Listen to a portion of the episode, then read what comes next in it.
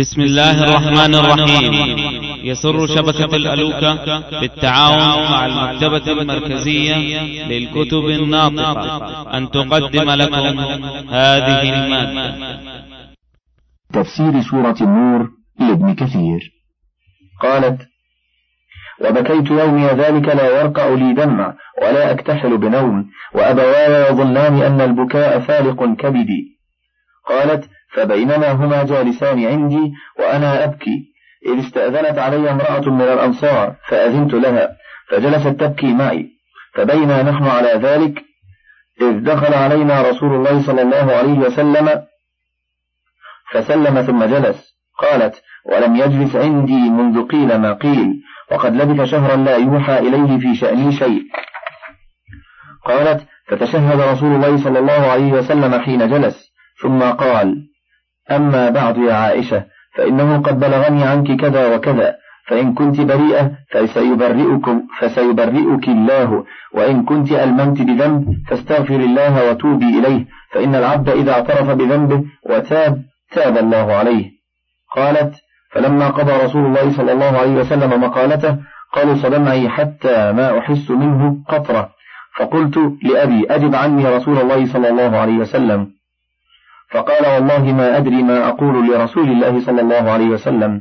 فقلت لأمي أجيبي رسول الله صلى الله عليه وسلم؟ فقالت والله ما أدري ما أقول لرسول الله صلى الله عليه وسلم.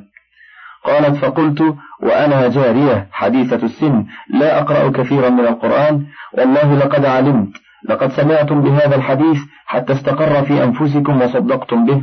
فلئن قلت لكم إني بريئة والله يعلم أني بريئة لا تصدقونني. ولئن اعترفت بأمر والله يعلم أني منه بريئة لتصدقني فوالله ما أدري لي ولكم مثلا إلا كما قال أبو يوسف فصبر جميل والله المستعان على ما تصفون. قالت ثم تحولت فاضطجعت على فراشي. قالت وأنا والله أعلم حينئذ أني بريئة وأن الله تعالى مبرئي ببراءتي. ولكن والله ما كنت أظن أن ينزل في شأني وحي يتلى. ولشأني كان أحقر في نفسي من أن يتكلم الله في بأمر يتلى. ولكن كنت أرجو أن يرى رسول الله صلى الله عليه وسلم في النوم رؤيا يبرئني, يبرئني الله بها. قالت فوالله ما رام رسول الله صلى الله عليه وسلم مجلسه؟ ولا خرج من أهل البيت أحد حتى أنزل الله تعالى على نبيه. فأخذه ما كان يأخذه من البرحاء عند الوحي حتى إنه لا يتحدر منه مثل الجمان من العرق وهو في يوم شات من ثقل القول الذي أنزل عليه. قالت فسري عن رسول الله صلى الله عليه وسلم وهو يضحك. فكان أول كلمة تكلم بها أن قال أبشري يا عائشة. أما الله عز وجل فقد برأك. قالت فقالت لي أمي قومي إليه. فقلت والله لا أقوم إليه ولا أحمد إلا الله عز وجل. هو الذي أنزل براءتي وأنزل الله عز وجل. إن الذين جاءوا بالإفك عصبة منكم العشر الآيات كلها. فلما أنزل الله هذا في براءتي قال أبو بكر رضي الله عنه وكان ينفق على مصطح بن أفافة لقرابته منه وفقره والله لا أنفق عليه شيئا أبدا بعد الذي قال لعائشة. فأنزل الله تعالى ولا يأتل أولو الفضل منكم والسعة أن يؤتوا أولي القربى. إلى قوله ألا تحبون أن يغفر الله لكم؟ والله غفور رحيم. فقال أبو بكر بلى والله إني لأحب أن يغفر الله لي. فرجع إلى مصطح النفقة التي كان ينفق عليه وقال والله لا أنزعها منه أبدا. قالت عائشة وكان رسول الله صلى الله عليه وسلم يسأل زينب بنت جحش زوج النبي صلى الله عليه وسلم عن أمري فقال يا زينب ماذا علمت أو رأيت؟ فقالت يا رسول الله أحمي سمعي وبصري والله ما علمت إلا خيرا. قالت عائشة وهي التي كانت تساميني من أزواج النبي صلى الله عليه وسلم فعصمها الله تعالى بالورع. وطفقت أختها حملة بنت جحش تحارب لها فهلكت في من هلك؟ قال ابن شهاب فهذا ما انتهى إلينا من أمر هؤلاء الرهط. أخرجه البخاري ومسلم في صحيحيهما من حديث الزهري. وهكذا رواه ابن إسحاق عن الزهري كذلك. قال وحدثني يحيى بن عباد بن عبد الله بن الزبير عن أبيه عن عائشة رضي الله عنها. وحدثني عبد الله بن أبي بكر بن محمد بن عمرو بن حزم الأنصاري عن عمرة أخبرني أبي عن عائشة بنحو ما تقدم والله أعلم. ثم قال البخاري وقال أبو أسامة عن هشام بن عروة قال أخبرني أبي عن عائشة رضي الله عنها قالت لما ذكر من شأن الذي ذكر وما علمت به قام رسول الله صلى الله عليه وسلم في خطيبا فتشهد فحمد الله وأثنى عليه بما هو أهله. ثم قال أما بعد أشيروا علي في أناس أذنوا أهلي وإن الله؟ وأيم الله ما علمت على أهلي إلا خيرا؟ وما علمت على أهلي من سوء؟ وأبنوهم بمن والله ما علمت عليه من سوء قط ولا يدخل بيتي قط إلا وأنا حاضر ولا جبت في سفر إلا غاب معي. فقام سعد بن معاذ الأنصاري فقال يا رسول الله إذن لنا أن نضرب أعناقهم. فقام رجل من الخزرج وكانت أم حسان بن ثابت من رهت ذلك الرجل. فقال كذبت أما والله لو كانوا من الأوس ما أحببت أن تضرب أعناقهم حتى كاد أن يكون بين الأوس والخزرج شر في المسجد. وما علمت فلما كان مساء ذلك اليوم خرجت لبعض حاجتي ومعي أم مصطح فعثرت. فقالت تعس مصطح. فقلت لها أي أم تسبين ابنك؟ فسكتت ثم عثرت الثانية فقالت تعس مصطح. فقلت لها أي أم تسبين ابنك؟ ثم عثرت الثالثة فقالت تعس مصطح. فانتهرتها فقالت والله ما أسبه إلا فيك.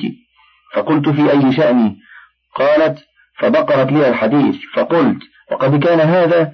قالت نعم والله. فرجعت إلى بيتي كأن الذي خرجت له لا أجد منه قليلا ولا كثيرا ووعكته وقلت لرسول الله صلى الله عليه وسلم أرسلني إلى بيت أبي. فأرسل معي الغلام فدخلت الدار فوجدت أم رومان في السفل وأبو بكر فوق البيت يقرأ. فقالت أم الرومان ما جاء بك يا بنية؟ فأخبرتها وذكرت لها الحديث وإذا هو لم يبلغ منها مثل الذي بلغ مني. فقالت يا بنية خففي عليك الشأن فإنه والله لقلما كانت امرأة قط حسناء عند رجل يحبها لها ضرائر إلا حسدنها وقيل فيها فقلت وقد علم به أبي؟ قالت نعم. قلت ورسول الله صلى الله عليه وسلم؟ قالت نعم.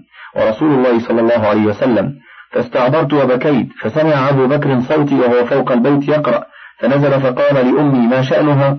قالت بلغها الذي ذكر من شأنها. ففاضت عيناه رضي الله عنه. فقال أقسمت عليك يا بني إلا رجعت إلى بيتك. فرجعت. ولقد جاء رسول الله صلى الله عليه وسلم بيتي فسأل عني خادمتي فقالت يا رسول الله لا والله ما علمت عليها عيبا إلا أنها كانت ترقد حتى تدخل الشاة فتأكل خميرها أو عجينها. وانتهرها بعض أصحابه. فقال اصدقي رسول الله صلى الله عليه وسلم حتى أسقطوا لها به. فقالت سبحان الله والله ما علمت عليها إلا ما يعلم الصائغ على تبر الذهب الأحمر. وبلغ الأمر ذلك الرجل الذي قيل له فقال سبحان الله والله ما كشفت كنف أنثى قط. قالت عائشة رضي الله عنها فقتل شهيدا في سبيل الله. قالت وأصبح أبواي عندي فلم يزالا حتى دخل علي رسول الله صلى الله عليه وسلم وقد صلى العصر ثم دخل وقد اكتنفني أبواي عن يميني وعن شمالي. فحمد الله تعالى وأثنى عليه ثم قال أما بعد يا عائشة إن كنت فارقت سوءا أو ظلمت فتوبي إلى الله فإن الله يقبل التوبة عن عباده. قالت وقد جاءت امرأة من الأنصار فهي جالسة بالباب فقلت ألا تستحي من هذه المرأة أن تذكر شيئا؟ فوعظ رسول الله صلى الله عليه وسلم فالتفت إلي أبي فقلت له أجب رسول الله صلى الله عليه وسلم. قال فماذا أقول؟ فالتفت إلى أمي فقلت أجيبي رسول الله صلى الله عليه وسلم. قالت فماذا ماذا أقول؟ فلما لم يجيباه تشهدت فحمدت الله وأثنيت فحمدت الله وأثنيت عليه بما هو أهله ثم قلت أما بعد فوالله إن قلت لكم إني لم أفعل والله عز وجل يشهد إني لصادقة ما ذاك بنافية عندكم لقد تكلمتم به وأشربته قلوبكم. وإن قلت لكم إني قد فعلت والله يعلم أني لم أفعل لتقولن قد باءت به على نفسها. وإني والله ما أجد لي ولكم مثلا. والتمست اسم يعقوب فلم أقدر عليه إلا أبا يوسف حين قال فصبر جميل والله المستعان على ما تصفون. وأنزل الله على رسوله صلى الله عليه وسلم من ساعته. فسكتنا فرفع عنه وإني لأتبين السرور في وجهه وهو يمسح جبينه ويقول أبشري يا عائشة فقد أنزل الله براءتك. قالت وكنت أشد ما كنت غضبا. فقال لي أبواي قومي إليه. فقلت لا والله لا أقوم إليه ولا أحمده ولا أحمدكما ولكني أحمد الله الذي أنزل براءتي. لقد سمعتموه فما أنكرتموه ولا غيرتموه. وكانت عائشة تقول أما زينب بنت جحش فعصمها الله بدينها فلم تقل إلا خيرا. وأما أختها حملة بنت جحش فهلكت في من هلك. وكان الذي يتكلم به مصطح وحسان بن ثابت والمنافق عبد الله بن أبي بن سلول وهو الذي كان يستوشيه ويجمعه وهو الذي تولى كبره منهم هو وحمنة. قالت فحلف أبو بكر ألا ينفع مصطحا بنافعه بنافعة أبدا. فأنزل الله تعالى ولا يأتل أولي الفضل منكم يعني أبا بكر والسعة أن يؤتوا أولي القربى والمساكين. أن يؤتوا أولي القربى واليتامى والمساكين. يعني مصطحا إلى قوله ألا تحبون أن يغفر الله لكم؟ والله غفور رحيم. فقال أبو بكر بلى والله يا ربنا إنا ونحب أن تغفر لنا وعادله بما كان يصنع. هكذا رواه البخاري من هذا الوجه معلقا بصيغة الجزم عن أبي أسامة حماد بن أسامة أحد الأئمة الثقات. وقد رواه ابن جرير في تفسيره عن سفيان بن وكيع عن أبي أسامة مطولا به مثله أو نحوه. ورواه ابن أبي حاتم عن أبي سعيد الأشج عن أبي أسامة ببعضه وقال الإمام أحمد حدثنا هشيم أخبرنا عمر بن أبي سلمة عن أبيه عن عائشة رضي الله عنها قالت لما نزل عذري من السماء جاءني النبي صلى الله عليه وسلم فأخبرني بذلك فقلت بحمد الله لا بحمدك. وقال الإمام أحمد حدثنا ابن أبي عدي عن محمد بن إسحاق عن عبد الله بن أبي بكر عن عمرة أيضا عن عائشة قالت لما نزل عذري قام رسول الله صلى الله عليه وسلم فذكر ذلك وأتل القرآن فلما نزل أمر برجلين وامرأة فضربوا حدهم. ورواه أهل السنن الأربعة. وقال الترمذي هذا حديث حسن ووقع عند أبي داود تسميتهم حسان بن ثابت ومصطح بن أثاثة وحملة بنت جحش. فهذه طرق متعددة عن أم المؤمنين عائشة رضي الله عنها في المسانيد والسنن والصحاح وغيرها. وقد روى من حديث أمها أم رومان رضي الله عنها فقال الإمام أحمد حدثنا علي بن عاصم أخبرنا حسين عن أبي وائل عن مسروق عن أم رومان قالت بين أنا عند عائشة إذ دخلت عليها امرأة من الأنصار فقالت فعل الله بابنها وفعل. فقالت عائشة ولم؟ قالت إنه كان في من حدث الحديث. قالت وأي الحديث؟ قالت كذا وكذا. قالت وقد بلغ ذلك رسول الله صلى الله عليه وسلم؟ قالت نعم. قالت وبلغ أبا بكر؟ قالت نعم. فخرت عائشة رضي الله عنها مغشيا عليها. فما أفاقت إلا وعليها حمى بنافض قالت فقمت, فقمت فدثرتها. قالت فجاء النبي صلى الله عليه وسلم قال فما شأن هذه؟ فقلت يا رسول الله أخذتها حمى بنافض قال فلعله في حديث تحدث به. قالت فاستوت عائشة قاعدة. فقالت والله لئن حلفت لكم لا تصدقوني ولئن اعتذرت لكم لا تعذروني فمثلي ومثلكم كمثل يعقوب وبنيه حين قال فصبر جميل والله المستعان على ما تصفون. قالت فخرج رسول الله صلى الله عليه وسلم وأنزل الله عذرها فرجع رسول الله صلى الله عليه وسلم ومعه أبو بكر فدخل فقال يا عائشة إن الله تعالى قد أنزل عذرك. فقالت بحمد الله لا بحمدك. فقال لها أبو بكر تقولين هذا لرسول الله صلى الله عليه وسلم؟ قالت نعم. قالت وكان في من حدث هذا الحديث رجل كان يعوله أبو بكر فحلف ألا يصله فأنزل الله ولا يأتل أولو الفضل منكم والسعة إلى آخر الآية. فقال أبو بكر بلى. فوصله. تفرد به البخاري دون مسلم من طريق حسين وقد رواه البخاري عن موسى بن إسماعيل عن أبي عوانة وعن محمد بن سلام عن محمد بن فضيل كلاهما عن حسين به. وفي لفظ أبي عوانة حدثتني أم رومان وهذا صريح في سماع مسروق منها وقد أنكر ذلك جماعة من الحفاظ منهم الخطيب البغدادي. وذلك لما ذكره أهل التاريخ أنها ماتت في زمن النبي صلى الله عليه وسلم.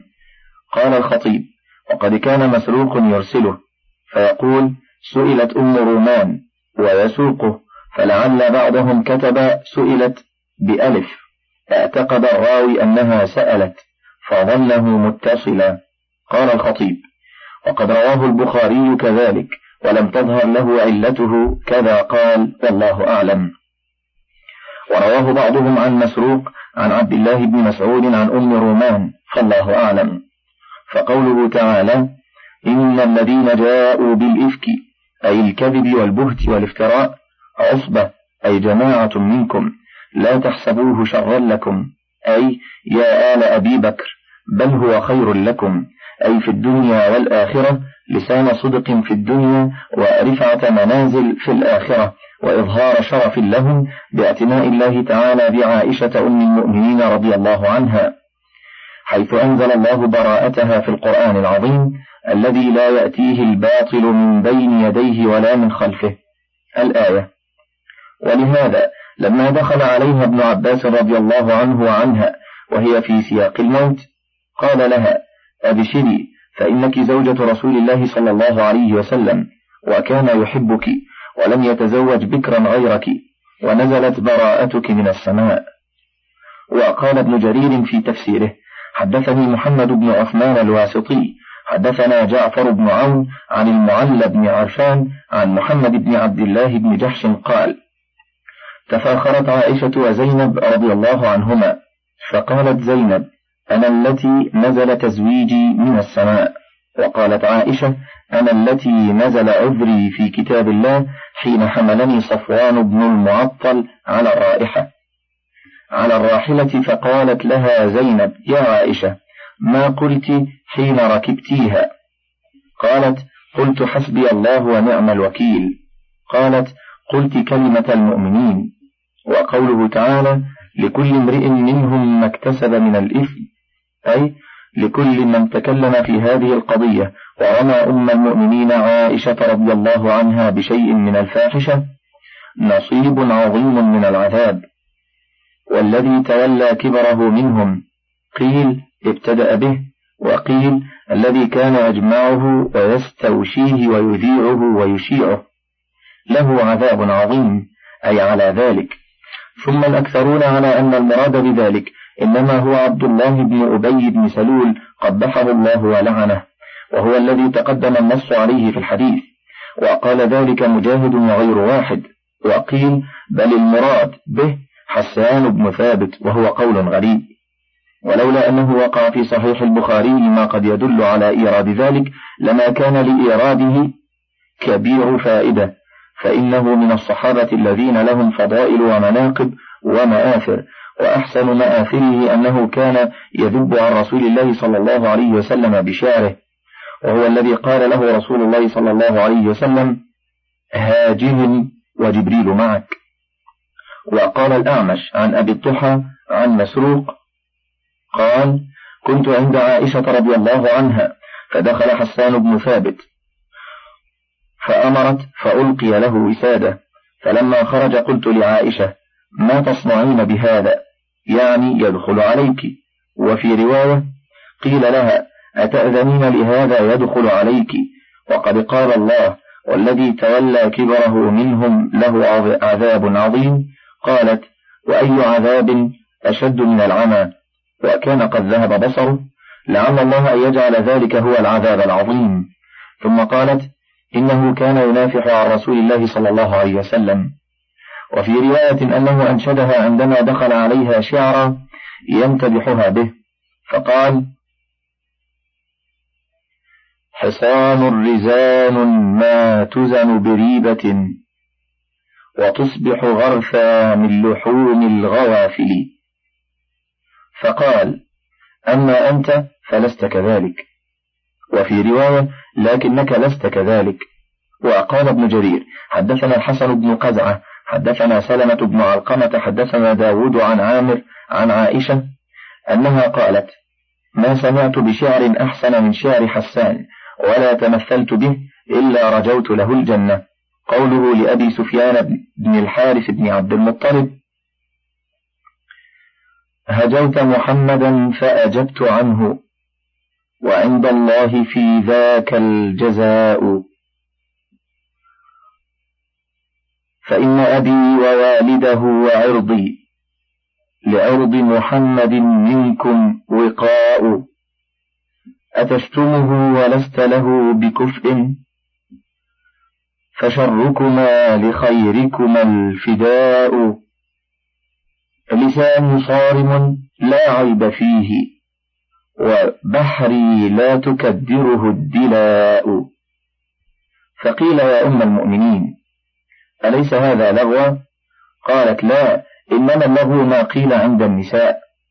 قيل أليس الله يقول والذي تولى كبره منهم له عذاب عظيم؟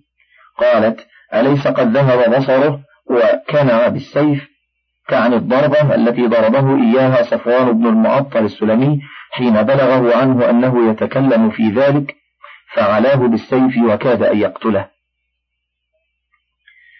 لولا إذ سمعتموه ظن المؤمنون والمؤمنات بأنفسهم خيرا وقالوا وقالوا هذا إفك مبين. لولا جاءوا عليه بأربعة شهداء فإذ لم يأتوا بالشهداء فإذ لم يأتوا بالشهداء فأولئك عند الله هم الكاذبون. هذا تأديب من الله تعالى للمؤمنين في قصة عائشة رضي الله عنها حين أفاد بعضهم في ذلك الكلام السوء وما ذكر من شأن الإفك فقال تعالى لولا يعني هلا إذ سمعتموه أي ذلك الكلام الذي رميت به أم المؤمنين رضي الله عنها ظن المؤمنون والمؤمنات بأنفسهم خيرا أي قاسوا ذلك الكلام على أنفسهم. فإن كان لا يليق بهم فأم المؤمنين أولى بالبراءة منه بطريق الأولى والأحرى. وقد قيل إنها نزلت في أبي أيوب خالد بن زيد الأنصاري وامرأته رضي الله عنهما. كما قال الإمام محمد بن إسحاق بن يسار عن أبيه عن بعض رجال بني النجار أن أبا أيوب خالد بن زيد الأنصاري قالت له امرأته أم أيوب يا أبا أيوب أما تسمع ما يقول الناس في عائشة رضي الله عنها؟ قال نعم وذلك الكذب. أكنت فاعلة ذلك يا أم أيوب؟ قالت لا والله ما كنت لأفعله. قال فعائشة والله خير منك. قال فلما نزل القرآن ذكر الله عز وجل من قال في الفاحشة ما قال من أهل الإفك. إن الذين جاءوا بالإفك عصبة منكم. وذلك حسان وأصحابه. الذين قالوا ما قالوا. ثم قال تعالى لولا إذ سمعتموه ظن المؤمنون الآية كما قال أبو أيوب وصاحبته. وقال محمد بن عمر الواقدي حدثني ابن أبي حبيب عن داود بن الحصين عن أبي سفيان عن أفلح مولى أبي أيوب أن أم أيوب قالت لأبي أيوب ألا تسمع ما يقول الناس في عائشة؟ قال بلى وذلك الكذب. أفكنت يا أم أيوب فاعلة ذلك؟ قالت لا والله. قال فعائشة والله خير منك. فلما نزل القرآن وذكر أهل الإفك قال الله عز وجل لولا إذ سمعتموه ظن المؤمنون والمؤمنات بأنفسهم خيرا وقالوا هذا إفك مبين. يعني أبا أيوب حين قال لأم أيوب ما قال ويقال إنما قالها أبي بن كعب. وقوله تعالى ظن المؤمنون إلى آخره أي هلا ظنوا الخير؟ فإن أم المؤمنين أهله وأولاده. هذا ما يتعلق بالباطن وقوله وقالوا أي بألسنتهم هذا إفك مبين. أي كاذب ظاهر على أم المؤمنين. رضي الله عنها فإن الذي وقع لم يكن ريبة. وذلك أن مجيء أم المؤمنين راكبة جهرة على راحلة صفوان بن المعطل في وقت الظهيرة والجيش بكماله يشاهدون ذلك ورسول الله صلى الله عليه وسلم بين أظهرهم. ولو كان هذا الأمر فيه ليبة لم يكن هكذا جهرا ولا كان يقدمان على مثل ذلك على رؤوس الأشهاد بل كان هذا يكون لو قدر خفية مستورا فتعين أن ما جاء به أهل الإفك مما رموا به أم المؤمنين هو الكذب البحت والقول الزور والرعونة الفاحشة الفاجرة والصفقة الخاسرة. قال الله تعالى لولا أي هلا جاءوا عليه أي على ما قالوه بأربعة شهداء يشهدون على صحة ما جاءوا به فإذ لم يأتوا بالشهداء فأولئك عند الله هم الكاذبون أي في حكم الله كاذبون فاجرون. ولولا فضل الله عليكم ورحمته في الدنيا والآخرة لمسكم فيما أفضتم فيه عذاب عظيم. إذ تلقونه بألسنتكم وتقولون بأفواهكم وتقولون بأفواهكم ما ليس لكم به علم. وتحسبونه هينا وهو عند الله عظيم. يقول تعالى ولولا فضل الله عليكم ورحمته في الدنيا والآخرة أيها الخائضون في شأن عائشة بأن قبل توبتكم وإنابتكم إليه في الدنيا وعفى عنكم لإيمانكم بالنسبة إلى الدار الآخرة لمسكم فيما أفضتم فيه من قضية الإفك عذاب عظيم. وهذا في من عنده إيمان يقبل الله بسببه التوبة. كمستح وحسان وحمة بنت جحش أخت زينب بنت جحش.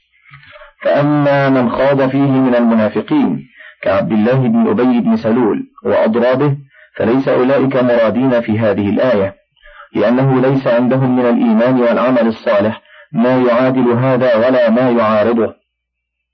وهكذا شأن ما يرد من الوعيد على فعل معين يكون مطلقا مشروطا بعدم التوبة أو ما يقابله من عمل صالح يوازنه أو يرجح عليه. ثم قال تعالى إذ تلقونه بألسنتكم. قال مجاهد وسعيد بن جبير أن يرويه بعضكم عن بعض. يقول هذا سمعته من فلان وقال فلان كذا وذكر بعضهم كذا. وقرأ آخرون إذ تلقونه بألسنتكم. وفي صحيح البخاري عن عائشة أنها كانت تقرأها كذلك وتقول هو من ولق اللسان يعني الكذب الذي يستمر صاحبه عليه. تقول العرب ولق القول. قال ابن أبي مليكة هي أعلم به من غيرها. وقوله تعالى وتقولون بأفواهكم ما ليس لكم به علم. أي تقولون ما لا تعلمون. ثم قال تعالى وتحسبونه هينا وهو عند الله عظيم. أي تقولون ما تقولون في شأن أم المؤمنين وتحسبون ذلك يسيرا سهلا. ولو لم تكن زوجة النبي صلى الله عليه وسلم لما كان هينا. فكيف وهي زوجة النبي الأمي خاتم الأنبياء وسيد المرسلين؟ فعظيم عند الله أن يقال في زوجة نبيه ورسوله ما قيل. فإن الله سبحانه وتعالى يغار لهذا وهو سبحانه وتعالى لا يقدر على زوجة نبي من الأنبياء ذلك حاشا وكلا. ولما لم يكن ذلك فكيف يكون هذا في سيدة نساء الأنبياء وزوجة سيد ولد آدم على الإطلاق في الدنيا والآخرة؟ ولهذا قال تعالى وتحسبونه هينا وهو عند الله عظيم. وفي الصحيحين إن الرجل لا يتكلم بالكلمة من سخط الله لا يدري ما تبلغ يهوي بها في النار أبعد مما بين السماء والأرض. وفي رواية لا يلقي لها بالا.